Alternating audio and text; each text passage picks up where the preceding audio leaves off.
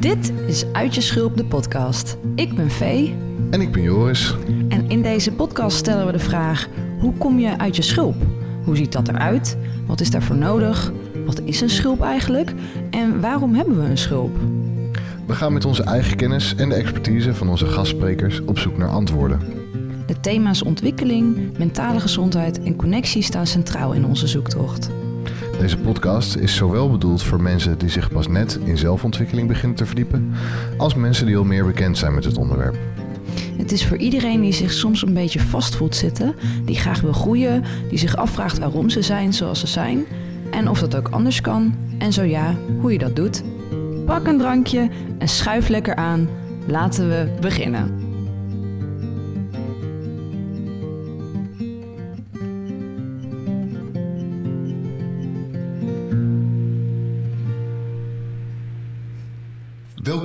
Lieve luisteraars, bij een nieuwe Uit je Schulp.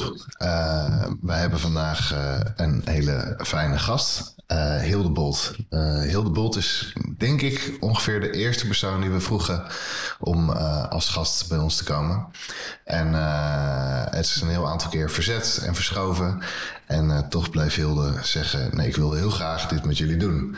Dus heel erg bedankt daarvoor alvast. En ik ga heel veel kort iets vertellen over jou, over je leven. en kijken wat je ervan vindt. En daarna duiken we gewoon weer lekker het gesprek in over um, alles wat te maken heeft met uit je schulp komen. En hoe dat in jouw eigen leven misschien en ook in jouw professionele leven uh, vorm krijgt. Uh, je begon uh, je loopbaan in de, in de GGZ als psycholoog en psychotherapeut. En werkte met nou, vrij heftige aandoeningen, vrij heftige stoornissen, persoonlijkheidsstoornissen, trauma en verslaving en soms meerdere tegelijkertijd daarvan. Um, en eigenlijk deed je dat in het begin van je loopbaan vooral uh, vanuit het soort klassieke therapeutische instrumentarium, als ik het goed heb begrepen. en later kwamen er andere elementen van het mens zijn bij. En toen ontstonden er vanuit jou professionele energiebedrijven, met name als Hart en Ziel Consult, de Alchemist en de Body Oriented Learning Academy. En dat is de laatste toevoeging aan het indrukwekkende lijstje. Um, en daarom ben je eigenlijk de hele tijd bezig met lichaamstaal en lichaamsgerichte interventies. Um, en nu dat ook steeds meer als opleider van andere therapeuten en coaches. je schreef ook nog eens wat boeken. Uh, ja, het lijstje is nog niet klaar hoor. Uh, Get Your Guts en Guts in tijden van corona en erna. En ehm, waar gaat het nu echt over? Over coachen bij stress en burn-out. En ehm, ja, we gaan natuurlijk, zoals ik zei, met jou ook hebben over van alles wat, wat jij hebt meegemaakt in het thema uit je schulp komen. Ik dacht, laten we beginnen met een vraag die gaat misschien over jouw vakgebied. Hè? Je helpt mensen eigenlijk om weer hun lichaam te leren kennen en, en, en, instincten en intuïties te horen. Ik ben benieuwd als je hier zo zit. kan je woorden geven aan wat er lichamelijk in jou omgaat op dit moment? Nou, zoals ik je zei, uh, had ik me verslapen vanmorgen. Of ik was door mijn wekker aangeslapen. Dus ik, ik zit er eigenlijk heel ontspannen bij. Ja. Dus ik zit wel lekker, lekker in mijn lijf. Zeer ontvankelijk en uh, leuk. Kijk ernaar uit. Ja, oké. Okay. Ja. Mooi. En hoe merk je dat in je lichaam, dat er uh, ontspanning is? Nou, ik voel, ik voel, een ontspanning in mijn buik. Ja. Ik voel een prettige bewegelijkheid in mijn benen. Dus niet onrust, zeg maar, maar meer een danserigheid. Ja, nou ja, dat is natuurlijk een heel belangrijk onderdeel van mijn leven. ja. Dus ja, ik voel me of niet geblokkeerd, zeg maar. Ja, rustig. Fijn. Ja. Lekker rustige adem. Klinkt goed. Ja. Hoe zit jij erbij, uh, Vee? Weet ik nog niet. Weet ik nog niet. Oké. Okay. Um, als we het hebben over uit je schulp komen. Uh, wacht even, wacht even. Ja. Hoe zit jij erbij? Oh, oh ja, dankjewel. Ik, uh, nou, je merkt, ik ben eager een beetje. Ik, ben, zit, een, ik zit ook een beetje zo op mijn stoel, een beetje voorover. Uh, ik heb wel een lach op mijn gezicht, merk ik. Dus ik ben vrolijk. ik voel me energiek. Voel ik me sowieso de hele ochtend. Eh, ja, in de eagerness zit ook wel iets van onrust. Een beetje hoge ademhaling. Eh, het is ook altijd spannend. Een klein beetje spannend. Het begin van, eh, van het gesprek. Eh, dus dat allemaal. Ja. Mooi. Wil je de volgende vraag pakken? Of zal ik hem... eh? Ehm, als we het hebben over eh, uit je schulp komen. Ehm, wat is het eerste dat er in jou opkomt over jouw eigen werk of leven? Nou, dat, het, dat ik in ieder geval meerdere schulpen heb gehad waar ik uitgekropen ben. En dat misschien ten aanzien van het werk wat ik doe. eh, misschien wel een heel. Dit, dat, ja, ik had het nooit in die woorden eh, benoemd, maar is denk ik wel een heel wezenlijk onderdeel van het werk wat ik doe. Om mensen te helpen om uit hun schulp te komen. En de moed te vinden vooral om dat te doen. Hm? Dus, dat, eh, dus dit- in die zin vond ik het een leuk thema. Ja, ja. En zeker leuk dat we het niet hadden voorbereid. Dus ik ben er zelf een beetje op gaan eh, broddelen, zou je iets zeggen. Ja? Mijn oude collega, ja. Ah, oké. En, en wat, wat kwam daaruit voort? Eh, Welke gesprekken heb je gehad? Welke...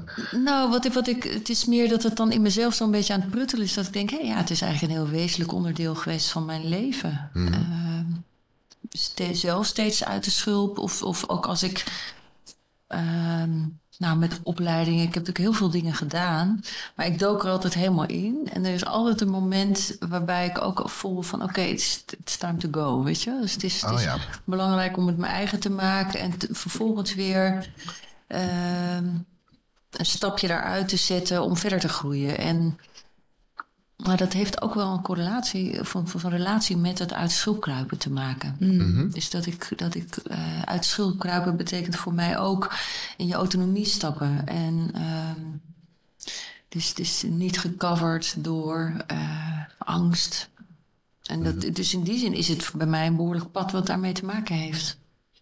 En als het gaat bijvoorbeeld over het loslaten van mijn titels als psychotherapeut en eh GZ-psycholoog, eh, nou ja, uit de familie stappen, uit de, nou ja, ik, ik, het, het is wel een, een pad, eh, pad van een schulperige pad, zeg maar.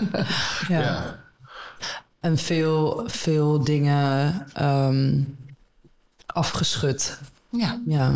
En, en dus Ja. eigenlijk merk ik dat er veel loslaat. Er zit een kracht van loslaten ja, Bij jou. absoluut. in, jou, in jouw persoon. Ja, Want voor sommige mensen is dat heel moeilijk om dingen los te laten of zich los te maken van iets. En Is dat voor jou makkelijk geweest? Of is dat iets wat je echt hebt moeten leren? Nou, ja, het is een mooie vraag. Het is, het is niet makkelijk geweest. Helemaal niet. Alleen ik denk wel eens ehm, dat mijn grootste zegen, zie ik het inmiddels, zeg ik heel voorzichtig. en vloek is dat ik eh, een lijf heb wat heel snel reageert.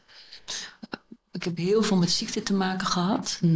En ook eh, meer, ja, met ernstige dingen. En, ehm, dus mijn lijf trekt gewoon zo hard aan de bel dat ik wel moet. Ja.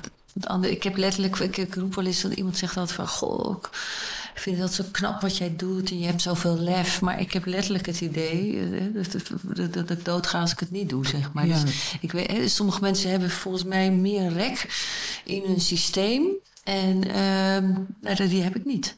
ja. En ik denk dat dat wel maakt dat je, ja, in die zin dat je, dat je eh, wel keuzes moet maken.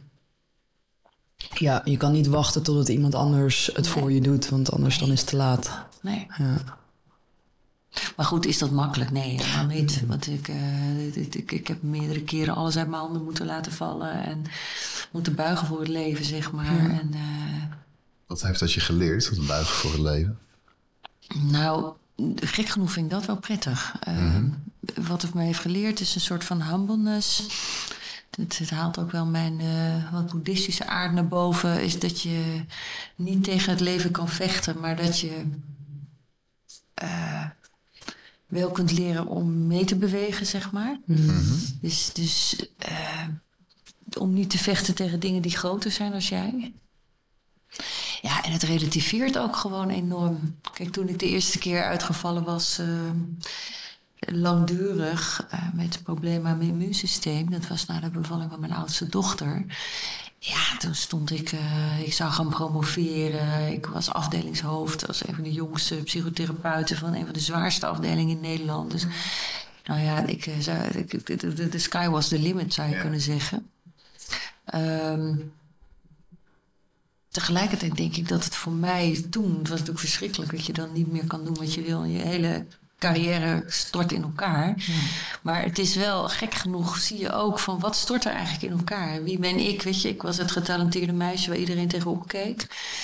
Uh, ja, daarna wie ben je dan als je ziek bent? Weet je, je verliest ook mensen. Maar dat viel samen ook met de geboorte van je dochter? Ja, zei je dat? Ja. mijn oudste dochter. Ja. dus je werd moeder. Ja. En er viel iets anders viel, uh, viel in elkaar.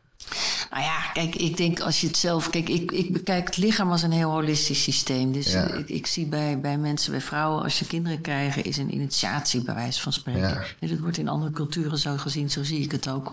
Zo zien wij dat niet, maar zo zie ik het wel. Weet je? Dus het is een soort van initiatie. En, het, ehm, dat, en helemaal voor vrouwen natuurlijk om in je lichaam te komen.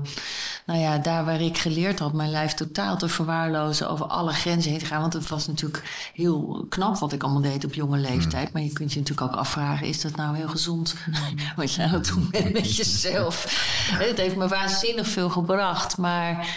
ehm, Ten dus koste, ten koste van wat? ten- nou ja, de, de, de, de auto-immuunziekte is natuurlijk ook niet. eh dit, dit- dit zegt het misschien ook wel een beetje. Dat ik toch wat minder immuun was als dat ik dacht. En. ehm, dus ja, ik, het, het was voor mij echt een. Ik denk dat het voor mijn kinderen heel goed is geweest dat dat gebeurd is. Want daardoor ben ik echt anders gaan kiezen. Ik moest echt opnieuw weer eten. Ik kon niks verdragen aan voeding. Dus ik, heb, ik kon bijna niet lopen. Dus ik heb echt alles opnieuw weer moeten oppakken toen. Maar ja, dat, die, die humbleness, ja, wat heeft het me opgeleverd? eh, die, die hele weg is toch gewoon dat ik mijn li- eigen lichaam heel goed ken. En dat ik daar echt volstrekt op vertrouw. Ja. Ah, ja. Ja. Maar goed. Ik, ik ken het van mezelf als, er, als ik eh, kwaaltjes of dingetjes heb in mijn lichaam, dan eh, is mijn reactie niet daar vrede mee hebben, maar een heel, eh, een heel onrustige. Dus ik, ik, ik hoor het wel, maar ik kan me er nog niet, ik kan me er niet bij neerleggen. zeg maar. Hoe, ik- heb je daar niet ook zo'n soort van worsteling mee gehad dan? Dat je, eh, dat je in eerste instantie misschien het lichaam wel vervloekte? Of, eh, of, of was je altijd liefdevol naar, je, naar jezelf? Nee, totaal niet. Nee, nee, nee, nee, helemaal niet. Dus ik heb, nee, ik, ik heb dat vele malen echt vervloekt. Ja. Ehm, maar goed, als ik zelf kijk waar ik vandaan kom uit een familie in Groningen, eh, met niet zeuren, gewoon doorgaan en in ieder Ja. geval niet voelen. En ik weet nog dat mijn moeder een hernia had toen ik ging samenwonen met mijn eh, eerste man. En toen ging- gingen wij, eh, dus zij had een hernia, maar ging wel plinten timmeren, zeg maar. En dan vroeg ze, als je dan zei, gaat het? Nee hoor, op is niks aan de hand. Ja, Ja, weet je wel, niet meer omhoog kunnen komen. Dus, dus het is voor mij zo eh, normaal geweest om daar niet naar te luisteren. En het is wel, kijk, als je er echt naar kijkt, is het natuurlijk ook heel lastig van, om het te verstaan. Want wat zegt het?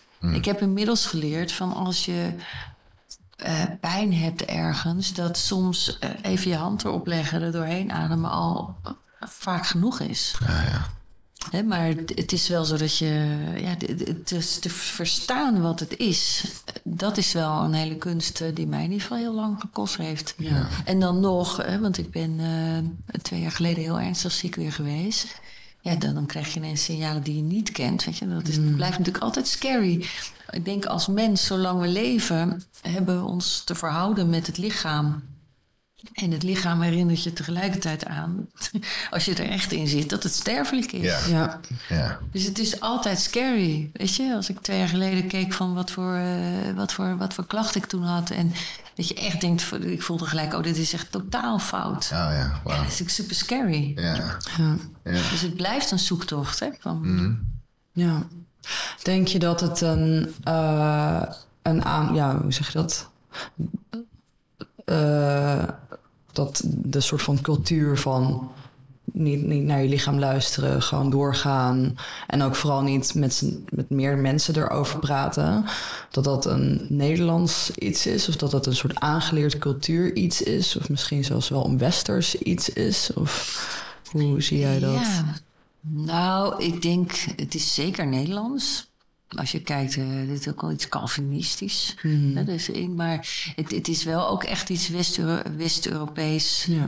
Maar ja, in Amerika, kijk nou, als je ziet hoeveel overgewicht daar is... en hoeveel mensen daar ontregeld zijn met allerlei ziektes. Dus het, het is ook echt volgens mij een, een, een voortvloeisel uit het kapitalisme... uit het, dus het individualisme van, van, van de laatste ja, eeuwen zou je kunnen zeggen, waarbij toch eh, ja, het lichaam op een lage, lage plan is komen te staan. Als je kijkt natuurlijk met Descartes, die zei van cogito ergo sum. Ja.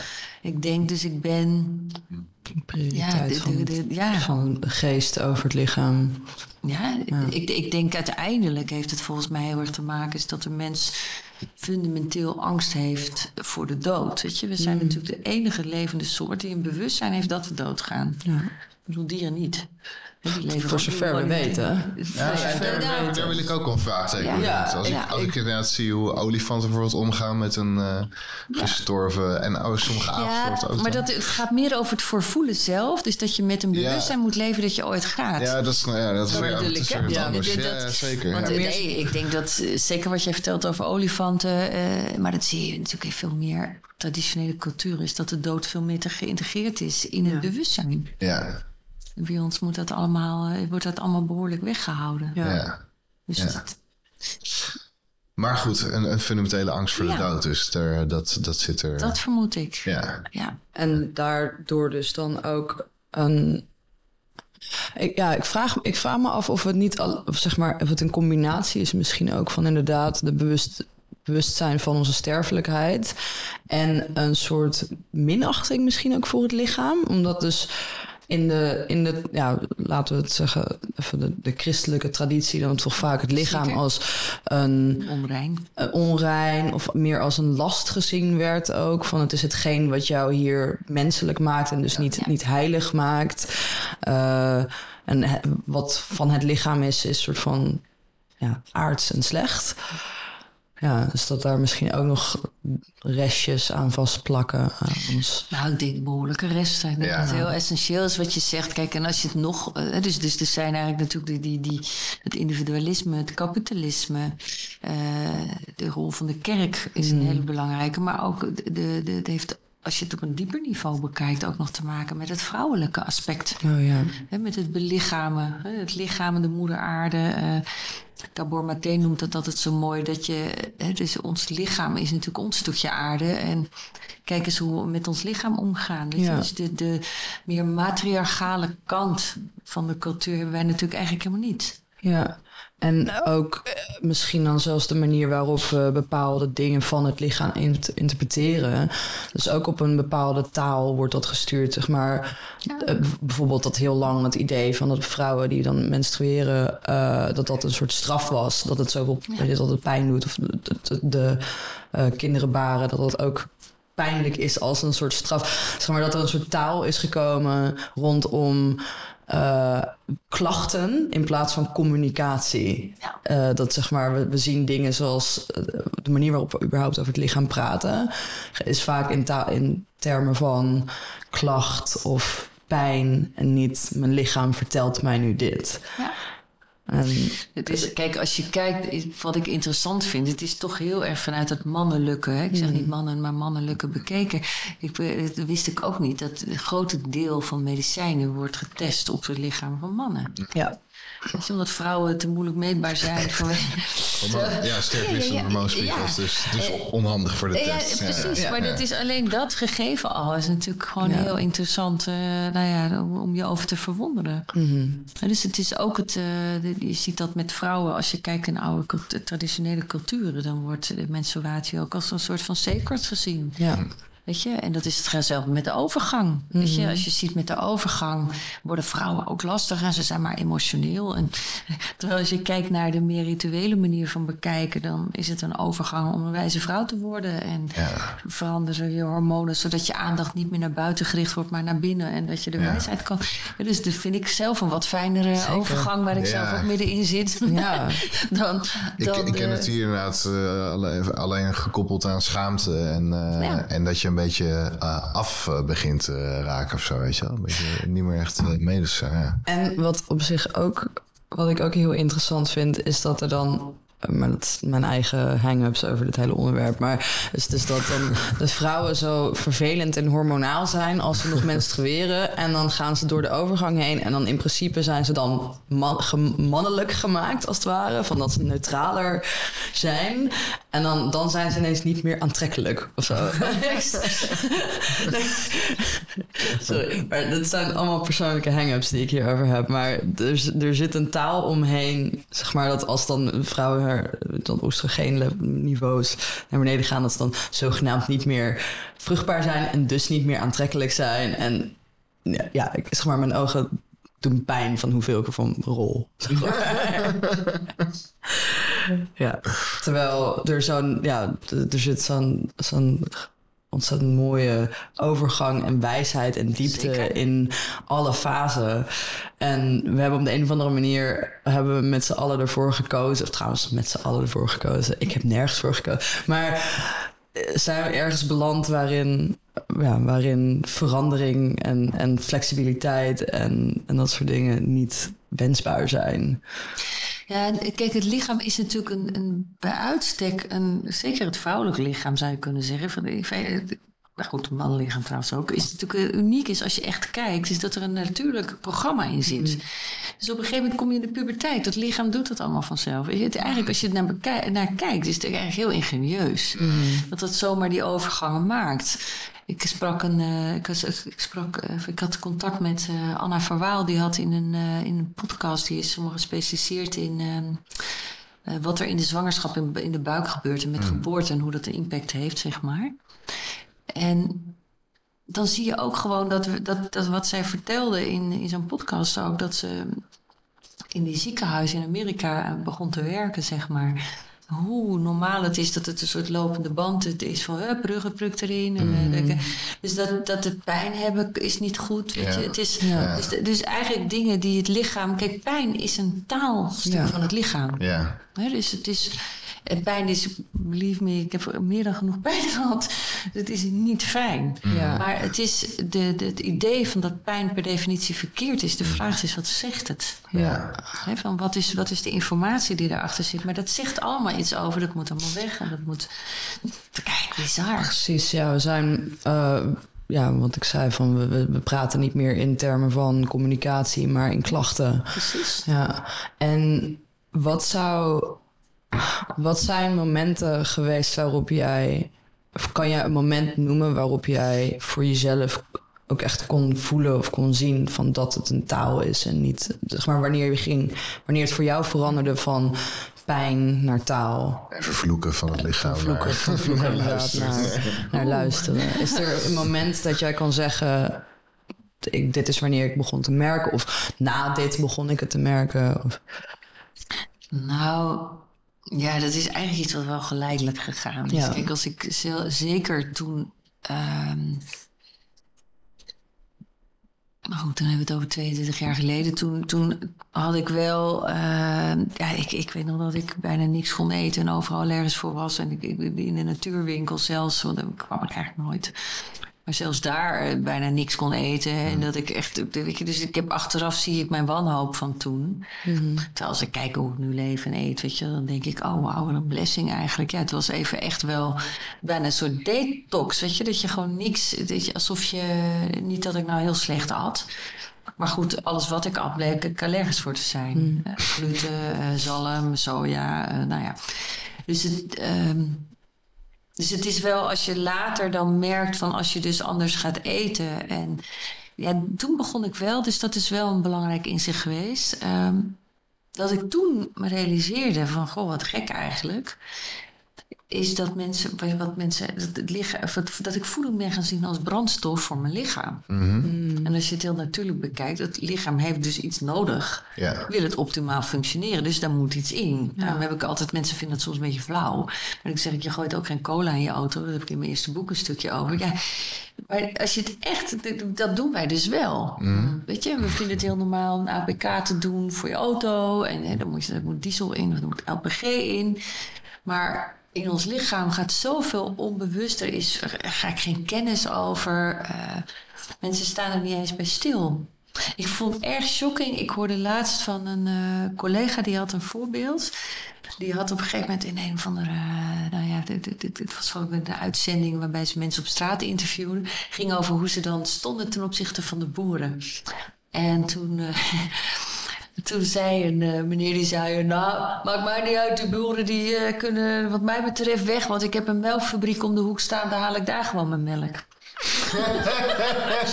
Dat is gewoon helemaal niet een link van gewoon melk komt van een koe. Ja. dus, nou ja, ik was ook echt, ik dacht, nou ja, goed, zij moest zo lachen. Maar dat je realiseert, hè, dus net als, ik, een ander voorbeeld was dat ik van, uh, van een uh, vriendin hoorde dat een van haar kinderen ooit heel kwaad was. Toen, toen ze erachter kwam, hè, dat ze heel klein was dat een kipfiletje van een kip komt. Mm. Maar dat zijn allemaal van die dingen, dat laat ook zien hoe we vervreemd zijn. Ja. Geraakt. Ja. Van onszelf, maar ook van de natuur. Dus, dus ja, dus, dus als we. Dus om terug te komen op je vraag, is, is denk ik dat wel heel basaal.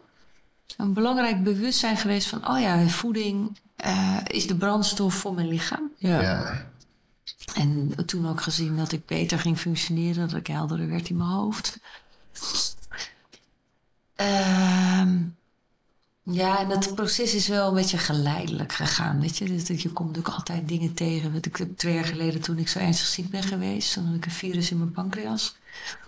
Toen heb ik uiteindelijk uh, ook hypnotherapie nog gedaan bij een arts.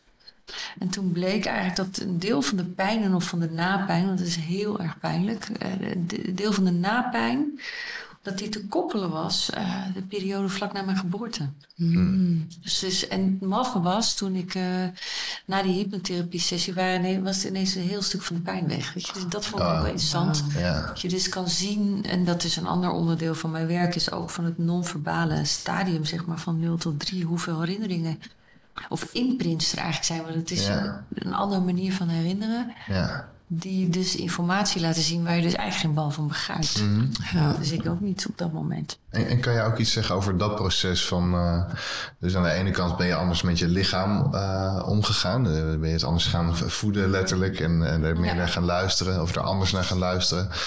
En, en je hebt die professionele kant. Dus de, het veelbelovende meisje dat ging promoveren. Hoofd van een van de moeilijkste afdelingen van het land. Uh, naar een, een, heel ander spoor. Hoe, hoe, hoe ging die uh, ontwikkeling?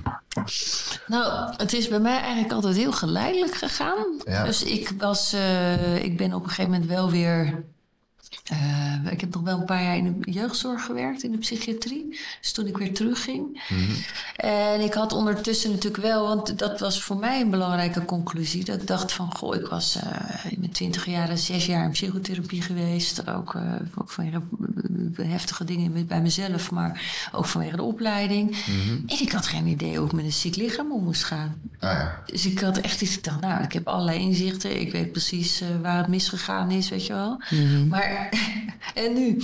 Dus ik, ehm, en ik danste eigenlijk al vrij veel. Ehm, maar goed, dat kon toen ook even niet. Maar toen ben ik eigenlijk weer begonnen met, met bewegingsexpressie, met dansen. Ik heb training gehad van Maori, ik heb systemisch werken. Ik heb eigenlijk heel veel dingen. Een aantal dingen deed ik al wel, omdat je met trauma. Ehm, merk ik ook creatief moet zijn. Ja. Uh, en zeker omdat trauma en ook stress natuurlijk iets is wat hoort bij het lichaam. Het zijn hele mhm. fysieke. Mm Het gaat over schending van het lichaam, zeg mhm. maar. Of een vervreemding van het lichaam. Dus, en daar vond ik de antwoorden niet binnen mijn eigen uh, psychotherapieopleiding. Mhm. Dus toen ben ik altijd wel een beetje daarnaast. Uh, de mindfulness kwam natuurlijk toen net op. En ja, toen ik, uh, ik zit te kijken, hoe is dat eigenlijk gegaan? Toen had ik wel, ik had een, um, een uh, oudere haptotherapeut waar, waar ik wel eens naartoe ging. En die gaf heel veel les in non-verbale communicatie. En die zei op een gegeven moment, kind, ik ga het aan jou overdragen. Dus ik, oh ja? Maar dat kan ik helemaal niet. Zei ze, ja, dat kan jij. Hmm. Dus ik heb letterlijk voor haar, dus de klussen die zij kreeg, toen ben ik eigenlijk veel meer daarin terechtgekomen, zeg maar, in meer de non-verbale communicatie meenemen. En uh, nou ja, toen had ik op een gegeven moment, had ik, toen werd ik gevraagd of ik weer uh, teamleider wilde worden, omdat mijn de, de, de, de afdelingshoofd uh, ging met pensioen. Dat was ook hun agenda toen en dat was ook mijn agenda van ik kom er weer rustig in en dan neem ik uiteindelijk die plek over. En toen dacht ik, oh, met al die ontwikkeling in de zorg, ik dacht dat wil ik helemaal niet. Hmm. En, uh, Want welke ontwikkelingen waren dat toen? Nou ja, je zag eigenlijk meer de, de protocolisering van de zorg. Ja. Dat eigenlijk de inzichtgevende uh, therapieën uh, werd eigenlijk meer als luxe gezien. Ja. Uh, alles moest korter, sneller, Ja. geregistreerd. uh, Geadministreerd. ja, ik, ik had op een gegeven moment echt zo'n gevoel van... ik kan wel handstand tegen een muur doen met mijn klanten als, ik- als ik hem maar registreer. Ja. Terwijl daarvoor had ik nog het idee dat het belangrijker was wat ik over de sessie opschreef. En, ehm, en ja, die trend die ging natuurlijk al heel sterk eh, ste- steeds meer in. En ik zag ook wel binnen de zorg dingen waar ik van geschrokken ben. Dat ik heb gezien hoeveel misdiagnoses er waren. Ah ja. Weet je, dat ik soms ook dacht van jeetje, eh, wat gaan mensen, wat ook personeel daar met, met elkaar om? Dat er een soort van eh, narcisme ontstaat van oh, ik, eh, nou mij doet het allemaal niks hoor. Weet je, dat het zwak is als het jou wel wat doet, weet je wel. Zeker in de zorg is, vind ik, weinig zorg voor elkaar. Ja. En ik had toen al wel een stukje praktijk daarnaast. En toen eh, werd ik bij de baak gevraagd om training te geven. Ja. Nou ja, toen is eigenlijk het een ging zo langzamerhand in het andere over. Ja. En toen had ik wel, want het was wel voor mij heel duidelijk door dat hele proces van, ik denk twee jaar na toen, dat ik wel dacht van ja, dat lijfgerichte, dat doet gewoon helemaal niet mee in de hulpverlening. Is allemaal gescheiden. Hè? Dus, eh, terwijl je lichaam is een eenheid. Mhm. Dus, eh, dus nou ja, dat werd mijn nieuwe missie. Ja. en Ja, dat is het nog steeds. Ja, dat werd geleidelijk aan je nieuwe missie. Ja. Dus heel eh, stap voor stap. En, Ja, eh, het is eigenlijk zo gegaan dat je, het is dan zo maf aan ouder worden, vind ik. Als je dan terugkijkt, denk je, oh, er zit eigenlijk best wel een lijn in. ja. Als ik nu kijk, dan ik leef gewoon per dag. En ik, eh, maar er zit achteraf natuurlijk wel echt denk een lijn in, ja. Dat is die, metafoor van Steve Jobs voor mij over een carrière, toch? Dat je zo'n spijkerveld hebt waar je een knikker op gooit. Ja, precies. Je kan nooit verder voorspellen dan twee spijkertjes naar voren waar die komt. Maar als je terugkijkt, dan is het een heel logisch traject. Zeg maar. Ja, precies. Oké, eh, beste mensen, we zijn weer terug. Eh, Korte technische terug in gesprek met Hilde storing. Bolt. Ehm, we blijven geteisterd worden door eh, problemen met eh, techniek. Eh, dus het, het universum probeert ons telkens te leren om rustig te blijven. En niet ons te laten verliezen in frustratie ten overstaan van iemand die ook nog eens bij ons te gast is. Dus we ademen rustig door. En ga niet met, met dingen gooien. Dat doen we pas als Hilde weg is. Precies. Dus de camera's uit zijn, de microfoons uitstaan. Ehm, en we hopen dat het eh, nu eh, beter gaat. Ondertussen ligt er ook een mobiele telefoon op tafel. eh, met gewoon een basic eh, audio app. Ja. Er staat er een camera op een, op een hele grote stapel boeken. Die ook op afstand wat audio opneemt. Dus nou, nou, we zullen zien. Dit wordt een heel mooi gecomponeerde aflevering, eh, denk ik. Het wordt een soort ehm, bij elkaar gespijkerde... Ja, Hilde, bedankt voor je geduld. Ja, graag gedaan. En je eh, acceptatie van dit eh, technische fenomeen. Ehm, ik vroeg jou inderdaad net voordat we eh, afschakelden. ehm, wat heb jij allemaal meegenomen uit allerlei andere eh, culturen en tradities eh, waar je uit put voor de eh, Body Oriented Learning Academy, maar ook waar je eerder uit hebt geput voor je werk en leven? Ja. Ja, dat is een grote vraag. Ja, nou, als kind ben ik, dat is eigenlijk begonnen met de reisverhalen van mijn vader. Mijn vader heeft gevaren en ehm, die is voordat de kinderen kwamen, die is eigenlijk overal geweest. En hij sprak ongeveer elke taal, dus hij, ik ben opgevoed met verhalen over, eh, ja, over andere culturen. En ook hij vertelde ook dat hij meerdere malen ook bijvoorbeeld in zijn eentje in een zwarte gemeenschap is geweest. En dat, hoe dat was, zeg maar. Dat je toen was natuurlijk toerisme natuurlijk veel minder in opkomst. En Ja. dus hij heeft daar heel veel eh, levenservaring op gedaan. Mhm. En daarvan zei hij ook altijd wel van, eh, van onze manier van kijken is relatief. Dus dat is dus, hè, dus dat je zou kunnen zeggen, dat zit een stukje in, eh, ook al daarin. Maar goed, dat zette mij natuurlijk aan om er ook te willen reizen. En ehm, nou ja, wat ik sowieso merkte is dat, nou ja, als ik bijvoorbeeld kijk naar een training van Maori die ik heb gedaan over trauma, zag ik zoveel meer integratie in de manier van kijken, dat het lichaam een geheel is. Dus zij wisten precies op welke plek wat opgeslagen was. Dat was echt waanzinnig. Wat een kennis daarover. Ehm, nou ja, ze hadden een hele mooie visie op zwangerschap. Weet je, als er een zwangerschap, als een kindje in de buik zit, dan zit daar omheen de moeder, daaromheen zit de vader, daaromheen de community. Dus het is, het is ook het, kinderen zijn veel meer een, een ja, je kan dus zeggen, wordt er veel meer als precious gezien, zeg maar. hè, vanuit de oude tradities. Los van het feit overigens dat er nu natuurlijk ook met de Maori er ook veel alcoholisme en, en weet ik veel is. Maar als je vanuit het traditionele gedachtegoed kijkt, eh, zie je daar andere waarden. Ja. En, en wat bedoel je met... ehm zij wisten waar wat zit opgeslagen? Want dat is echt trauma denken van mij. Trauma gaat een soort van vastzitten nou ja, in wat het ik, ze lichaam. hebben, ze, ze hebben, ze, ik heb zelf ehm, eh, een keer zo'n behandeling gehad ook. En dan duwden ze op bepaalde punten. En ja, ze zeiden zelfs, ze benoemden van we trekken de pijn uit je systeem. Ja. Nou, ik, het, het, het was verschrikkelijk. Ik heb echt gewoon een week lang, eh, of, of, of nou, een week, eh, zes weken, een zwarte blauwe plek op mijn been gehad. Oh, wauw. Maar ze voelden zo, aan die plekken hoorde ik ze dus overleggen van, oh ja, hier zit trauma uit de moederlijn. We wisten precies te benoemen wat. Eh, hier zit dit, hier zit dat. Eh, dus het, het was echt verbazingwekkend wat, eh, wat ze daarvan wisten. Mm. Dus ook konden, eh, dus, dus ze hebben ook ehm, eh, ten aanzien van mijn eigen geboorte, ze hadden op een gegeven moment letterlijk met hun handen gingen ze over mijn buik heen. En zag je een soort bruine troep. Dat kwam uit mijn buikwand, weet je. Dat is de, nou ja, dit- hoe ze het doen, weet ik niet. Ja. Maar ik, vond, ja, ik hou er altijd van om verrast te worden. Ja.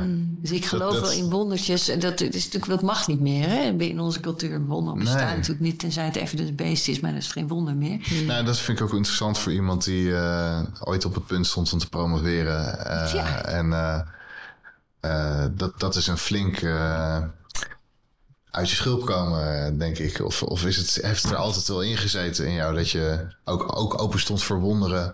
Eh, en ook voor de wonderen die de wetenschap biedt? Of ik weet niet hoe je, hoe je dat ziet. Ja, het, het is wel iets wat heel erg bij mij hoort. Ja. Weet je, dus het is wel eh, iets waar ik niet zonder kan. En ook of, of wat, wat, voor mij, wat mij altijd voeding heeft gegeven. Want toen ik werkte op die psychiatrische afdeling... had ik soms ook van die momenten met anderen. eh, Paul Verhagen noemde dat vrijdag natuurlijk de epiphanies. Weet je, dat je Ja. soms met mensen een soort contact hebt... waarin er iets gebeurt wat eigenlijk bijna magisch is. Weet je wel? Wat niet te verklaren is. Ik heb ooit dat ik een ehm cliënte die... eh, was een klinische klant van mij... die wilde op een gegeven moment... eh, en die zei, ik wil, ik wil een ritueel met jou doen.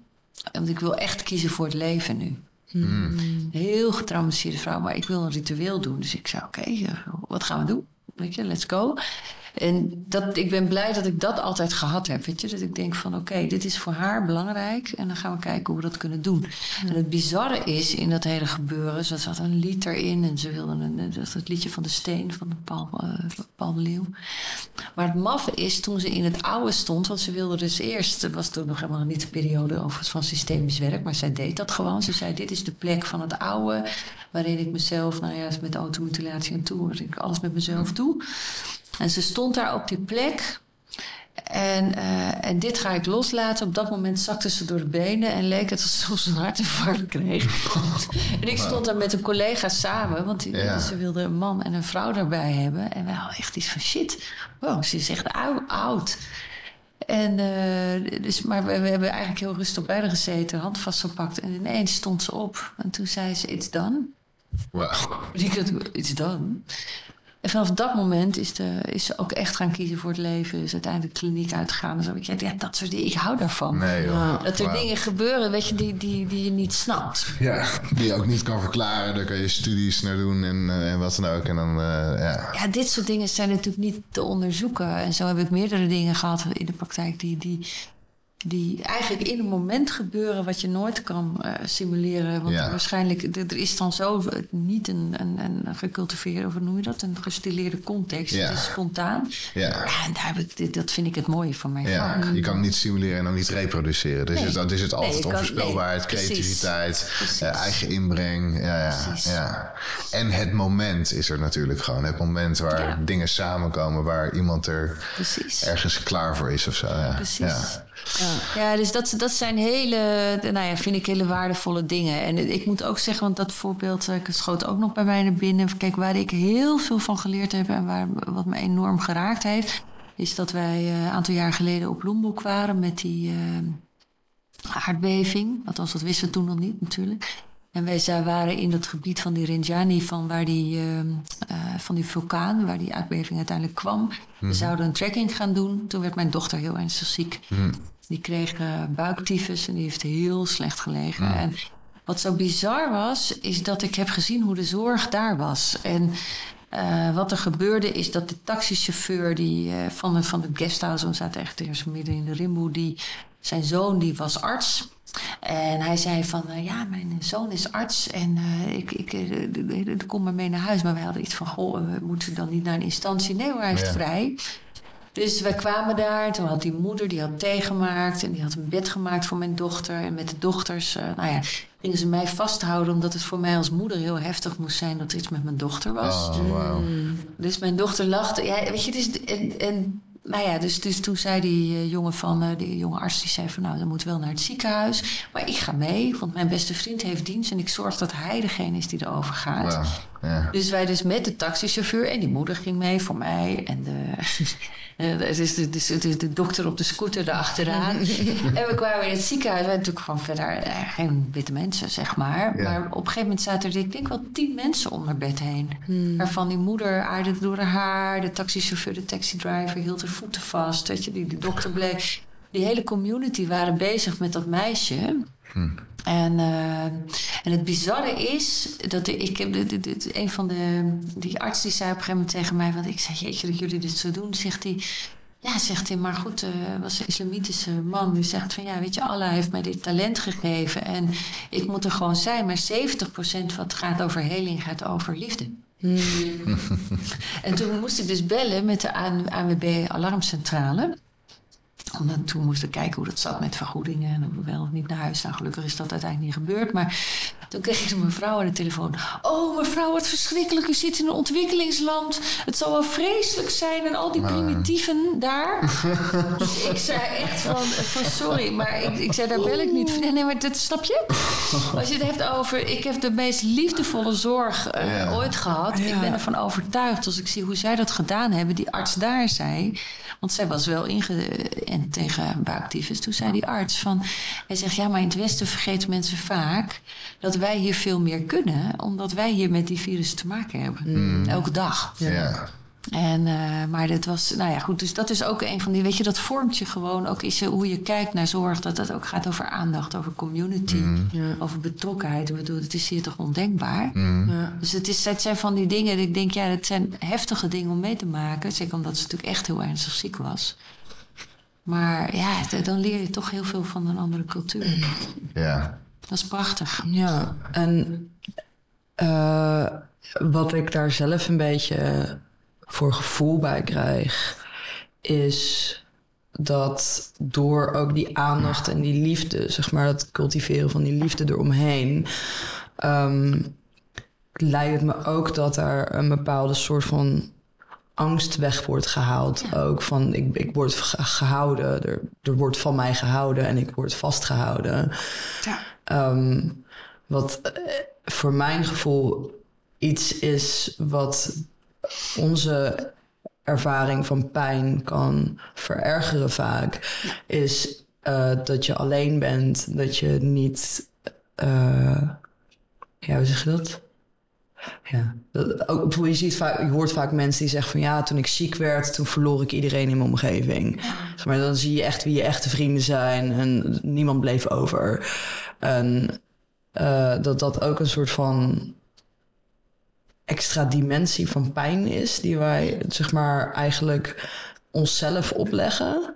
Misschien. Afstandelijkheid. Afstandelijkheid. Ik, ik, uh, ik, ben, uh, ik, ik, ben geraakt door je verhaal, omdat, ik, omdat het raakt aan, aan een verhaal van mijzelf. Ah. En uh, ik wil je dat wel vertellen, gewoon even ja, kort. Natuurlijk. ik heb een keer van top tot teen in de brand gestaan. En toen ging dus naar het ziekenhuis. Uh, en er waren een paar vrienden van me bij. En een daarvan is echt een van mijn uh, meest nauwe vrienden. Dus dat noem ik meer familie dan uh, vriend. Uh, Temi, you know who you are. en hij is Cambodjaans. En ook zijn moeder is ook heel anders met aanraking en nabijheid. En in de familie sowieso. Um, maar ik lag dus, uh, ik kwam dus aan in het ziekenhuis en uh, ze probeerden daar verband om mijn handen te doen. Uh, maar Temi had mijn voeten beet. Dus hij stond bij het voeteind en hij voelde op een of andere manier dat hij dat moest doen. Mm. en dat hielp me in dat moment. Dat was echt. En ik weet ook nog dat ik dat voelde en ik voelde de warmte. En uh, dat ik ook tegen hem zei, oh, wil je het niet loslaten? Ja. En uh, ja, dus dat is echt, uh, dat is echt heel, heel bijzonder. Dat is gewoon een heel andere manier van zorg, inderdaad. Die, die mij heel veel deed toen. Ja, super mooi. Ja, wat me raakt in je voorbeeld is dat wat ik heel veel zie met lichaamsgericht werk. Want mensen denken soms, oh, dat is dat, wat is dat allemaal? Maar is dat het zo simpel is, hè? Ja.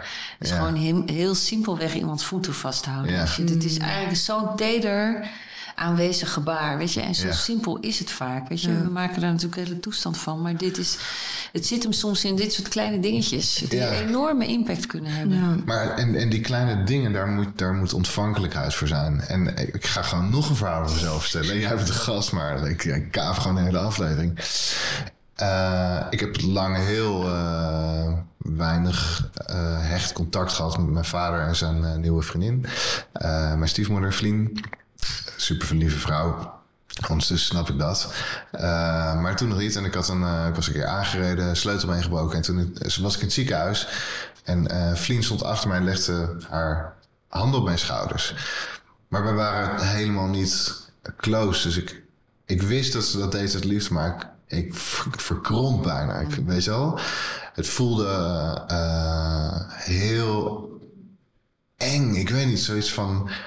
Uh, ik kan dit niet accepteren. Ik kon het niet, ik kon het niet toelaten toen of zo. Dus die, die nabijheid, die is, uh, die is moeilijk te vinden of zo. Die is moeilijk te creëren. Ik denk dat we heel veel, met heel, de meeste mensen uh, het moeilijk vinden om zo dichtbij te kunnen zijn. Om, om iets toe te laten, ook in een moment van kwetsbaarheid. Ja. Dat iemand echt even, dus inderdaad een hand op je schouder is nog iets anders dan, dan een, een intellectueel gesprek of wat dan ook. Gewoon echt even dat die ja. Want dat accept, ik denk dat, dat je het steekwoord is het accepteren en toe te laten. Ja. Want ik denk dat ook, zeg maar even los van deze hele discussie, want het zit natuurlijk een heel, heel emotioneel verhaal bij uh, van, van hoe de relatie met jou en je vader en vriend en je moeder. En, ja. uh, dus dus da daar zit dan inderdaad een blokkade waarin het moeilijk is om iemand in, binnen te laten.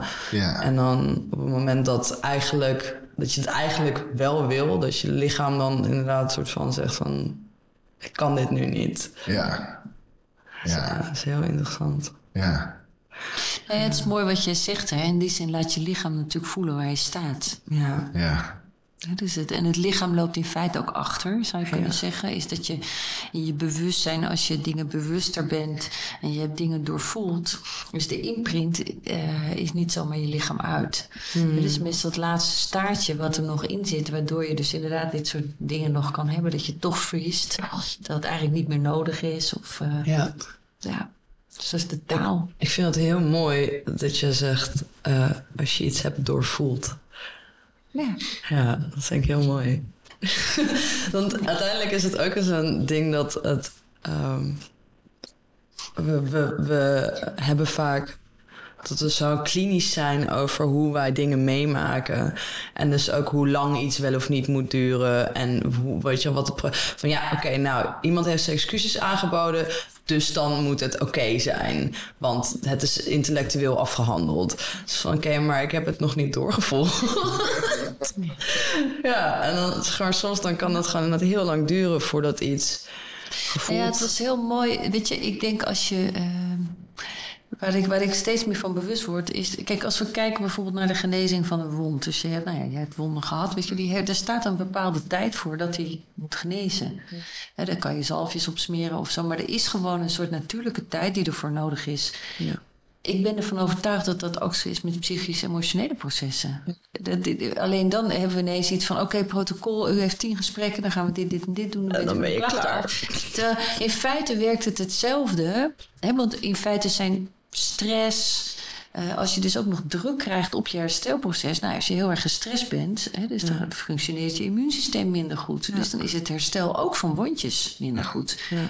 Dus in feite, wat we heel erg te leren hebben, is om dingen terug te brengen naar dat geheel. Nou, hoe dat werkt. En we kunnen van wondgenezing in die zin natuurlijk heel veel leren. Ja. Hoe, eh, hoe dat ook werkt op andere processen. Alleen dat, eh, ja, als het niet zichtbaar is, dan is het niet waar. Of, maar het werkt hetzelfde. Ja. Als ik kijk in de praktijk, werkt het precies hetzelfde. Ja. Het is heel interessant. En ik denk. eh, wacht, ik had net nog één ding. Oh ja, over pijn, dus aan zich. En vooral met. ehm, met pijn die je niet kan zien. Eh, ik weet niet waar ik dit nou gelezen had of gehoord heb, maar pijn wil gezien worden.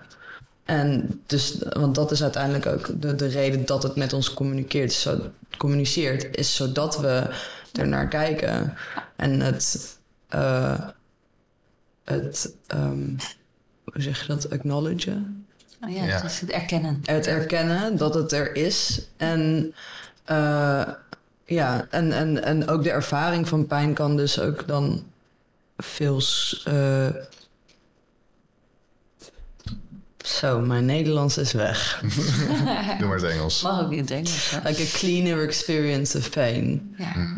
En dat dat eigenlijk is wat voor heel veel mensen het, de ervaring van pijn zo moeilijk maakt, is omdat ze geen clean eh, ervaring van pijn kunnen krijgen. Omdat alles, zeg maar, ehm, als, als, eh, ex- ja, als, als extra pijnlijk. ja. ja, sorry, ik, eh, ik kan even niet meer praten. Ik vind het een heel mooi onderwerp wat je aansnijdt. Want Dat, kijk, ik heb heel veel pijn gehad in mijn leven. En het is voor mij een onderzoeksthema geworden. Ehm, kijk, pijn, je hebt natuurlijk pijn. En die geeft eigenlijk aan, nou ja, zo'n rood knopje van... hé, hey, wacht even, hier moet je zijn. Dit is een knopje in je auto, Ja. van er is iets mis. Maar er is ook een heel gebied aan pijn, hè, wat je nu natuurlijk onder SOLK noemt. Hè, dus waarbij niet acuut misschien aantoonbaar op een MRI of weet ik veel wat voor hè, de, apparaten er dingen te zien zijn. Die pijn is er wel degelijk. Ehm, en dat vind ik een interessante. Wat, wat ik zie vanuit mijn vak, vanuit de traumakant, is dat sommige pijn heeft echt te maken met iets in het hier en nu. Mhm. En sommige pijn, fysiek, is eigenlijk ook herinnering in het lichaam. En, eh, en die snappen we vaak niet. Die, is niet. die is niet begrepen. Dus ik heb heel veel napijn gehad. Dus, dus toen die pancreas echt ontstoken was, had ik kleren veel pijn. Daarna heb ik heel veel napijn gehad. Maar dat zijn, is eigenlijk meer een soort echopijn. En daar ben ik toen de hypnotherapie op gaan doen. En toen bleek ineens dat er allerlei dingen van rond mijn geboorte waren. En dat zie ik bij heel veel klanten ook terug. Is dat bijvoorbeeld een bepaalde periode van het jaar... Een bepaalde gebeurtenis of het zien van een serie op Netflix, een bepaalde geur, nou ja, enzovoort. Of de leeftijd van de kinderen, die, die, hè, waarop bepaalde dingen gebeuren, bepaalde pijn in het lichaam weer geactiveerd wordt. Eh, en dan, ja, dan is natuurlijk, daarom is medische uitsluiting ook heel belangrijk. Weet je, dat je ook weet van oké, er is niet iets ernstigs. Mhm. Maar dat wil niet zeggen dat het niet waar is wat er Ja. gebeurt. Ja. Maar dat is is belangrijk in jouw vak, bedoel je? Ja. Dat je uitsluit dat er iets eh Maar ik letterlijk denk is überhaupt voor iedereen van dat, dat je voor jezelf wel weet van als je, nou, als je duizelingen hebt, is het heel fijn om te weten eh, dat je geen hersentumor hebt of Ja. een ontsteking aan je evenwichtsorgaan, weet ik veel wat. je, Dus er zijn gewoon bepaalde dingen. Kijk, los, los kun je kijken natuurlijk altijd, vind ik het wel interessant. Waarom, dat is natuurlijk waar Matteo ook zijn boek over heeft geschreven. Waarom ontwikkelen bepaalde mensen met bepaalde karaktertrekken, zijn die dus meer likely om bepaalde soorten ziektes te ontwikkelen als je kijkt naar karaktertrekken. Weet je? Dus dat vind ik ook wel interessant. Of een bepaalde manier van omgaan met emoties en gevoelens. Maar Dus dat vind ik een interessant eh, fenomeen. Maar de, de, de- overal is het, is het eh, wel heel interessant wat die pijn te zeggen heeft. Mhm. Ja. En ik zie pijn als een ingang ook van eh, dat het iets wil duidelijk maken. Ja. En wij zien het heel vaak als iets wat vervelend is, irritant. Hè? Want dan vragen mensen: gaat het goed?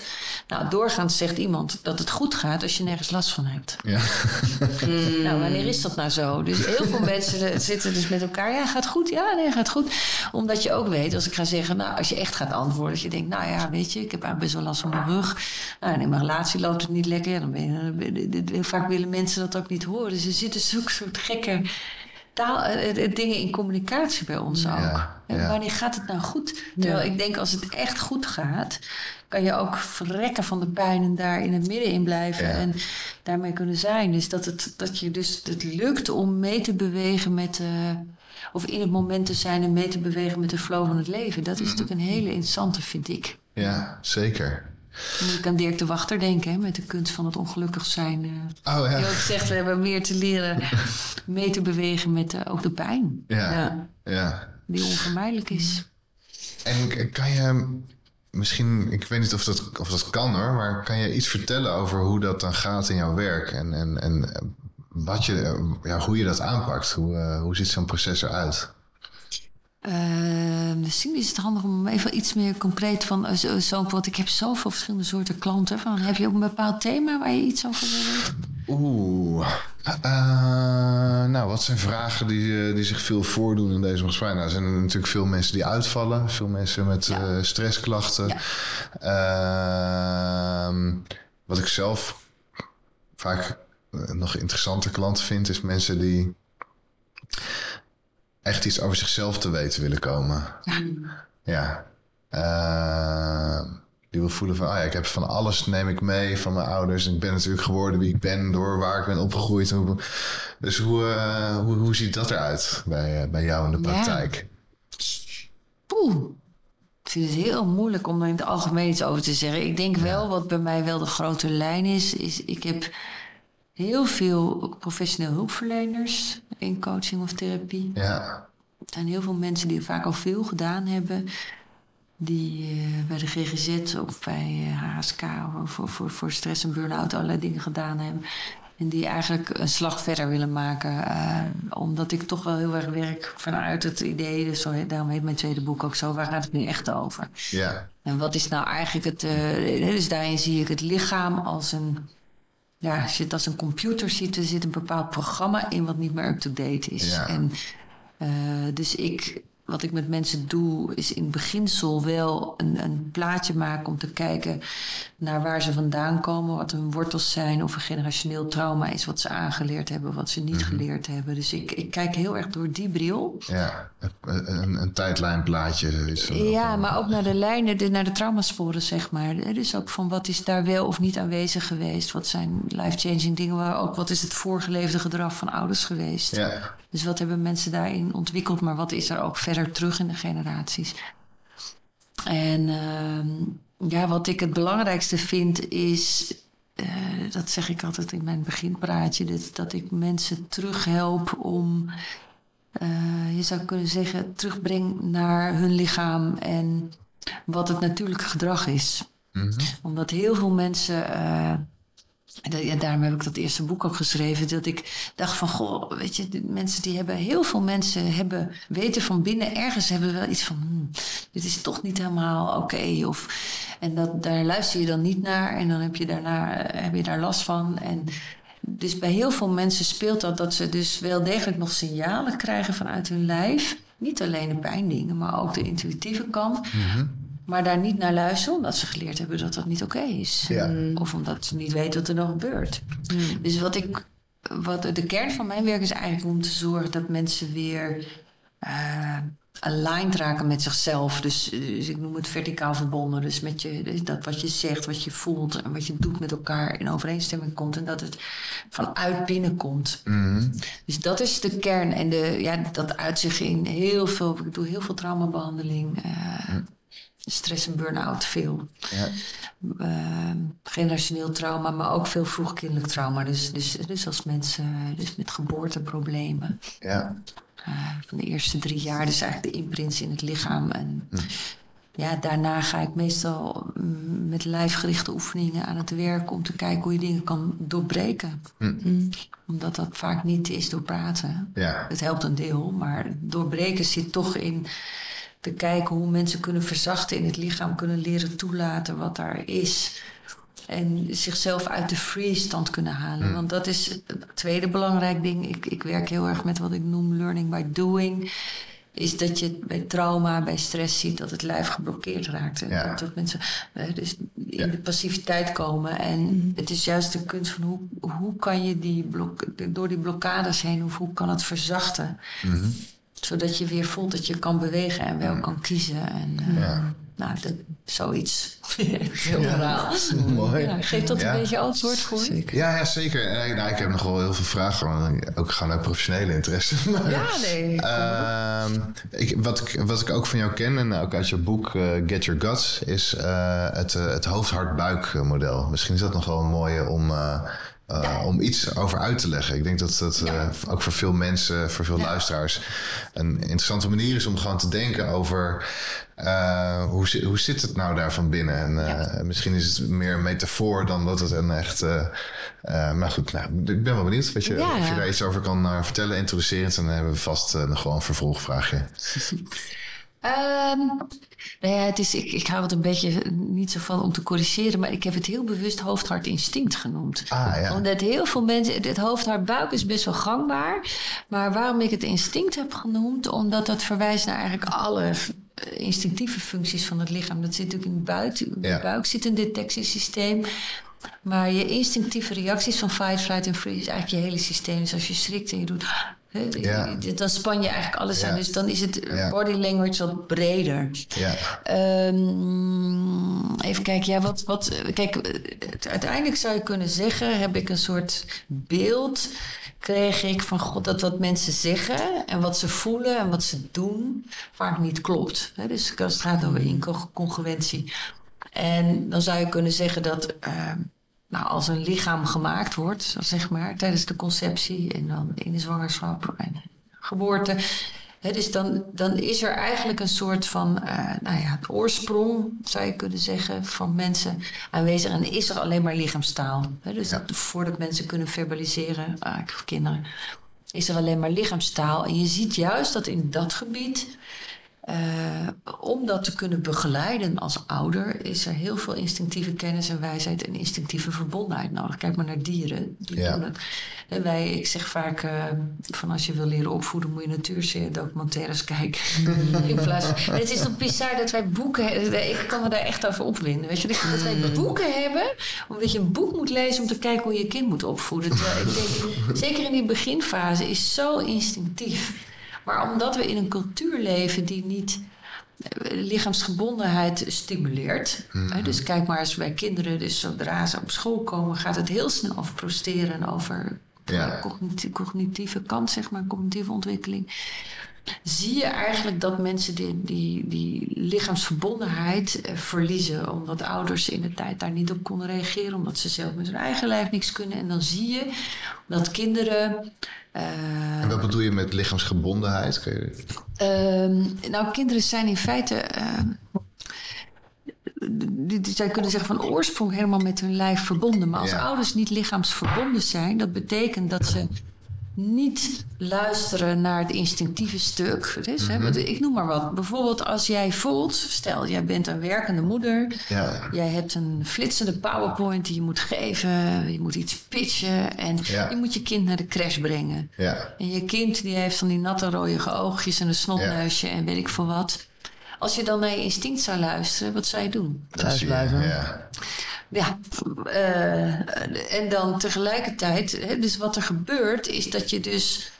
eh, er zullen mensen zijn die het afzeggen. eh, Ja. maar, dit- maar in feite geeft dat iets aan, is dat er heel weinig marge in ruimte in het systeem is om naar de behoeftes van het kind te gaan. Dus eigenlijk zie je dat in de hele. In onze hele samenleving, hoe wij met kinderen opgaan, gaat eigenlijk op dat ze, dat ze kunnen inpassen in onze maatschappij zoals die is. Ja. In plaats van als je door de ogen van kinderen kijkt, is het nou goed. Wat leren kinderen op school? Bijvoorbeeld. Mijn dochter, een van mijn dochters vroeg op een gegeven moment van waarom leer je geen omgangskunde? Of, eh, ja, je denkt, waar zijn pubers mee bezig? Weet je, die zijn voortdurend met elkaar bezig, met hun eigen gevoelens, met hun lichaam. Ja, Er toch is geen één scherpe vragen. ja, ja, nee, absoluut.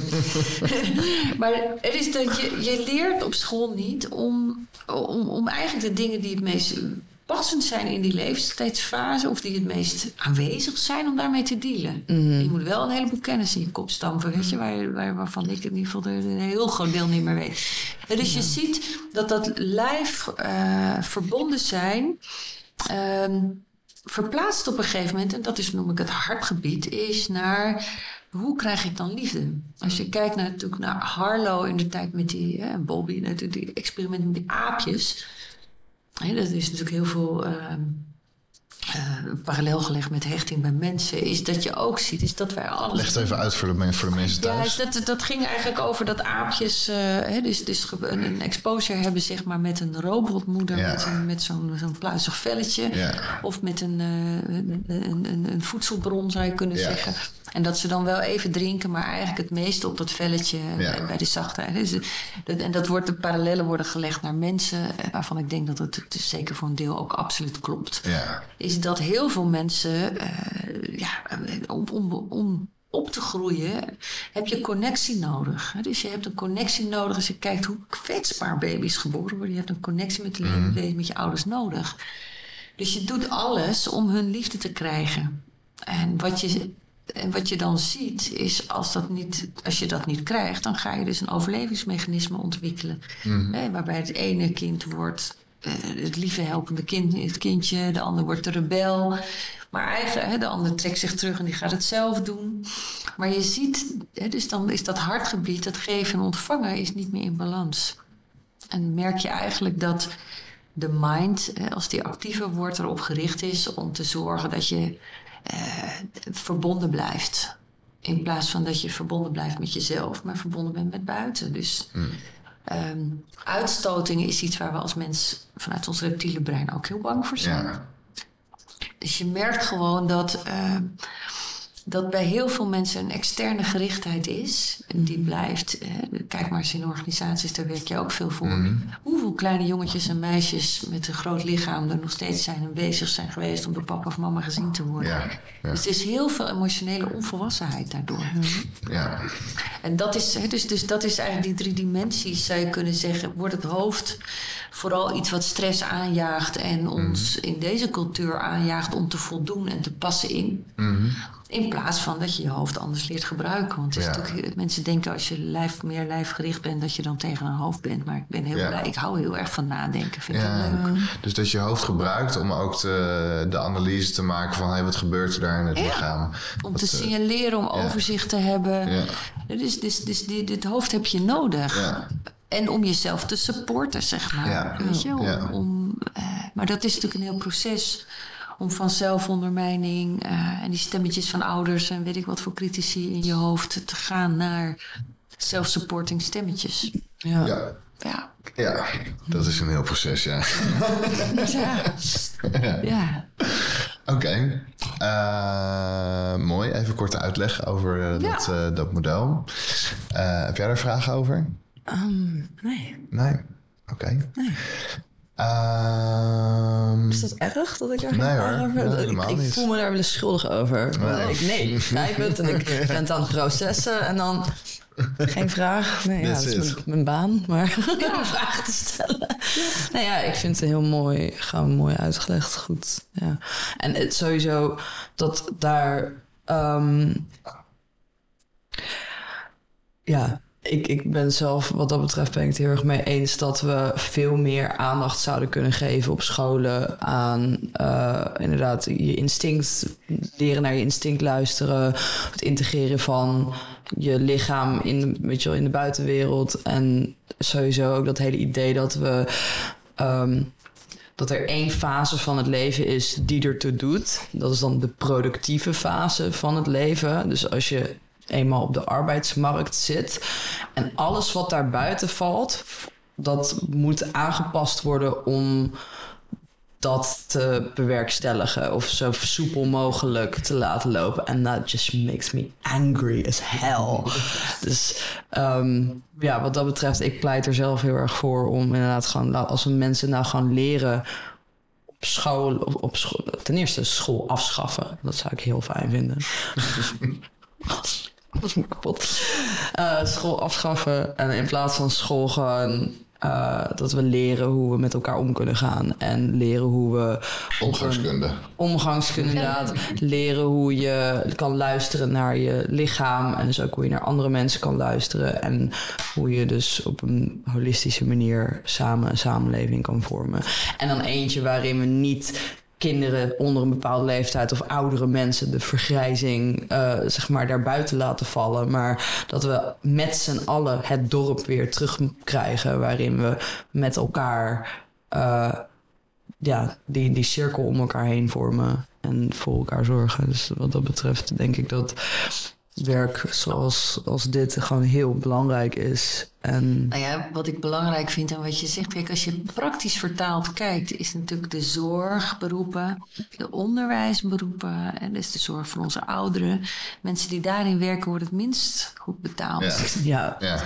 Het is toch absurd, weet je? Oh, het ik maak me hier elke dag boos over. Gewoon elke dag. Ik denk als je een baan hebt uh, met een bedrijf waar het milieu goed onder leidt, weet je, dan heb je, dan heb je veel geld, weet je. Dus het is het, zijn soms, het is soms zo scheef. Ik denk bij ieder kind wat geboren wordt, uh, ja, weet je, de, de waarom uh, denken we daar niet over na? Over wat het doet. Ja.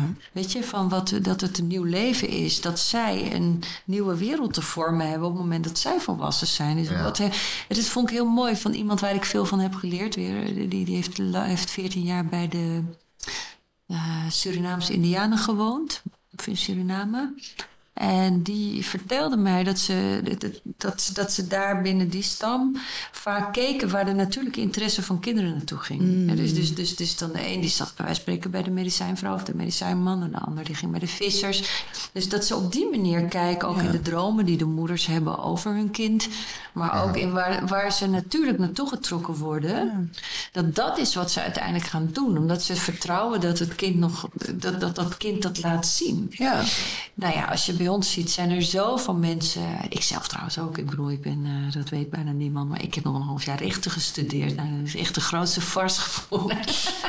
maar ja, waarom? Ik heb altijd... Mijn moeder, die had heel graag rechten willen studeren. Die werkt op een... Die, ja. Die, die, ja, iedereen... Het is toch heel raar, is dat wij toch in een cultuur leven... waarvan we hopen dat kinderen dan gaan doen wat jij had willen doen of zo. Of uit onvrede. Of wordt er heel veel gestuurd uh, bij kinderen. En ja, en ook onbewust. Hè? Want je kijkt naar je ouders en je denkt... oh, daar, zou, daar zouden ze trots op zijn. Ja, nou Zo heb ik een half jaar chemie gestudeerd bijvoorbeeld. Oh ja, ja, ja Oké, okay, want het wetenschappelijke... dat is wel uh, iets wat uh, zowel mijn, mijn, grote broer als mijn uh, vader... altijd heel interessant vonden in ieder geval. Hè? Dus ja...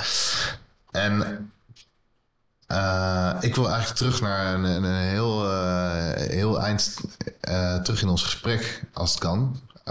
Misschien een soort van laatste topic om, voordat we gaan afronden. Want wat ik me ineens besefte is dat toen we het hadden ook over overgang, dat je ook zei, daar zit ik zelf ook middenin. En en daarna zei ik not notabene zelf nog iets over... oh ja, voor hier is meer verbonden aan schaamte. En ineens besefte ik me... ah, ik heb jou daar helemaal niet eens iets over gevraagd. En dat heeft ermee te maken dat ik dus ook denk van... oh ja, dat mag niet, want dat is ongemakkelijk... of dat, dat is lullig voor aan het vragen. En dat komt dus door hoe dat wordt gezien.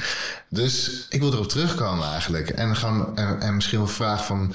Um, wat gaat er voor jou open nu? Wat, eh, wat is er, wat, Nou. Welke nieuwe fase is er aan het aanbreken? Nou ja, ik vind het heel leuk dat je erop terugkomt. Want het is wel iets waar ik... eh, ik ben een boek aan het schrijven nu over body-oriented learning. Het is over lichaamsgericht leren... waarin ook Ja. het generaties in het lichaam... en ook de overgang. Dus ik vind het zo... Ik bedoel, daar kan ik me echt woest over maken. Weet je, dat, het, dat vrouwen zo inderdaad van menstruatie... maar ook met een overgang, dat het zo afgeschreven wordt.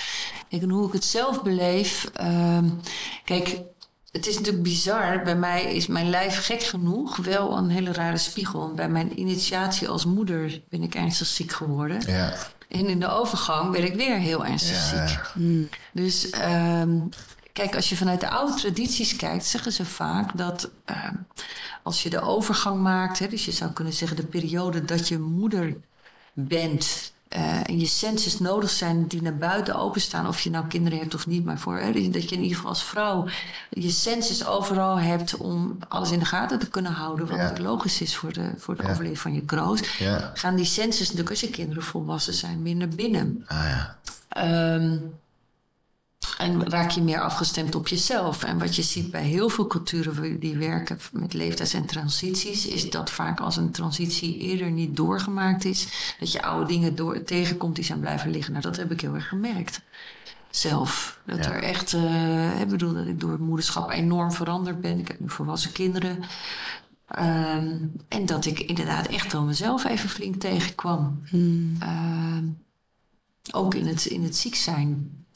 En tegelijkertijd, ja, moet ik ook zeggen dat ik, eh, want ik heb, ik heb dus in vier jaar geleden, eerst eh, vier jaar geleden een hersenkneuzing gehad met een vals. Bijna mijn nek gebroken. Toen heb ik inderdaad pancreatitis gehad. En toen vorig jaar ook heel ernstig corona er nog overheen.